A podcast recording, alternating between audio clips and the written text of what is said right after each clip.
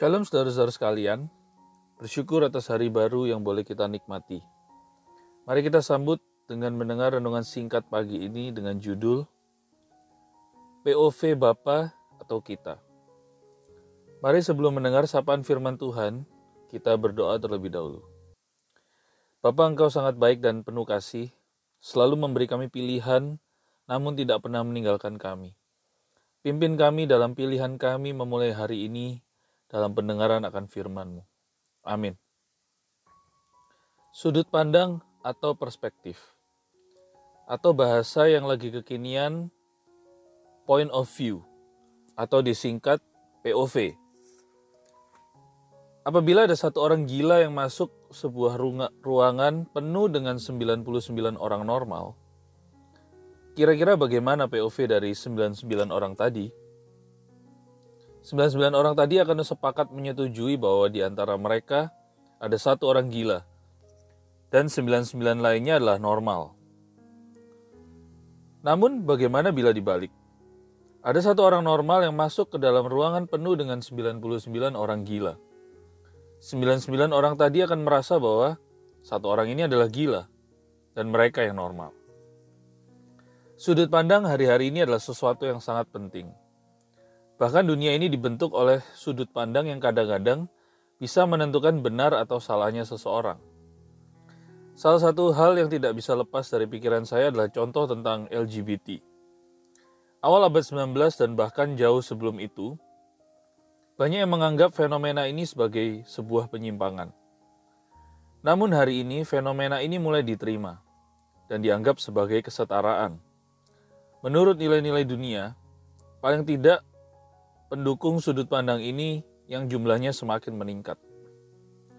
Dan semakin banyak yang berani menunjukkannya di depan umum. Sesuatu yang sangat tabu dan dianggap salah pada zaman-zaman yang saya sebutkan tadi. Banyak perdebatan yang terjadi di negara-negara di, di dunia ini. Ada yang mendukung, ada yang mengutuk.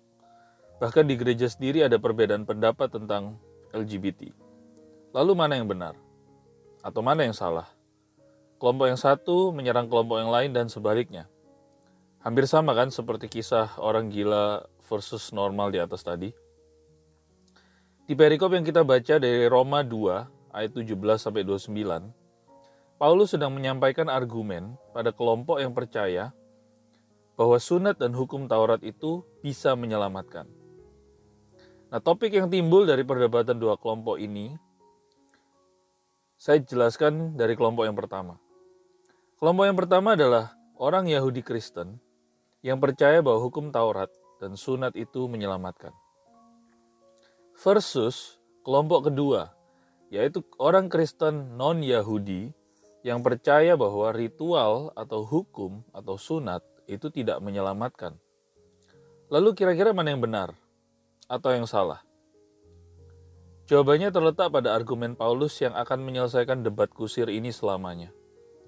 Saya akan mencoba menjawabnya dari pasal 4. Di pasal ini Paulus memaparkan contoh tentang bagaimana Abraham diselamatkan.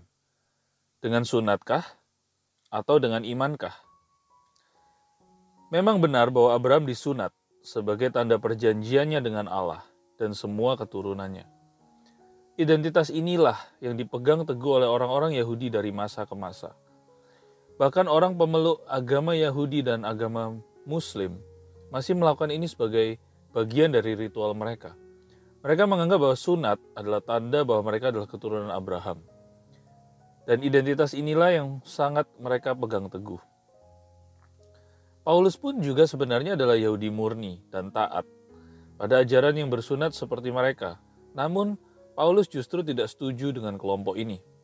Paulus mengatakan bahwa keselamatan Abraham didapat jauh sebelum ia bersunat bahwa sunat hanyalah tanda atau meterai kebenaran berdasarkan iman. Dengan kata lain, Paulus sedang menunjukkan bahwa iman Abraham pada Allah lah yang menyelamatkannya.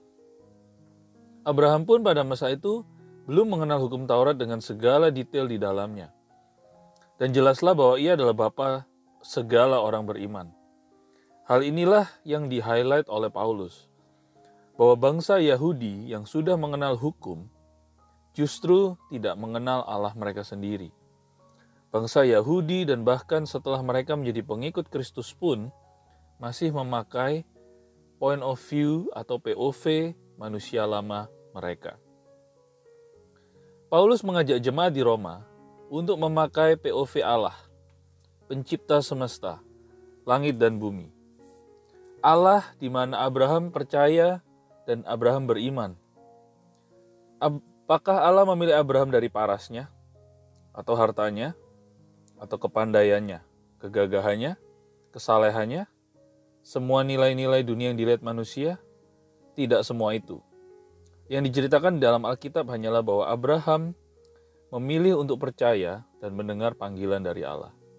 Yang di dalam prosesnya, ia mengenal Allah dan segala karakternya, kasih dan setianya. Dan Allah menepati janjinya dengan bukti yang Abraham bisa kecap dan nikmati Sepanjang hidupnya ia menerima kekayaan, perlindungan, keturunan, dan identitas sebagai umat pilihan. Itulah Allah Abraham. Dan Allah kita sekarang yang kita sembah dalam nama Yesus Kristus. POV Bapa membuat kita bisa diselamatkan seperti Abraham. Jadi POV mana yang kita pegang sekarang? POV Bapa atau manusia lama kita? Ketika kita percaya pada karya salib yang berkuasa itu, hati lama kita akan disunat secara rohani. Roh Kudus akan memampukan kita melihat segala sesuatu dengan POV Bapa. Lagi pula Abraham juga pribadi yang berdosa. Namun karena imannya ia diselamatkan. Mari kita semua fokus pada POV Bapa, bukan pada dosa kita. Kenapa? Karena dosa kita dan seluruh umat manusia sudah diselesaikan oleh karya salib Yesus. Mari kita berdoa. Bapak dalam kerajaan surga mengucap syukur Bapak, kami mau memulai hari ini dengan tuntunan roh kudus, sehingga kami bisa menyelesaikan semua masalah dengan POV yang daripada Engkau saja. Terima kasih Bapak. Amin.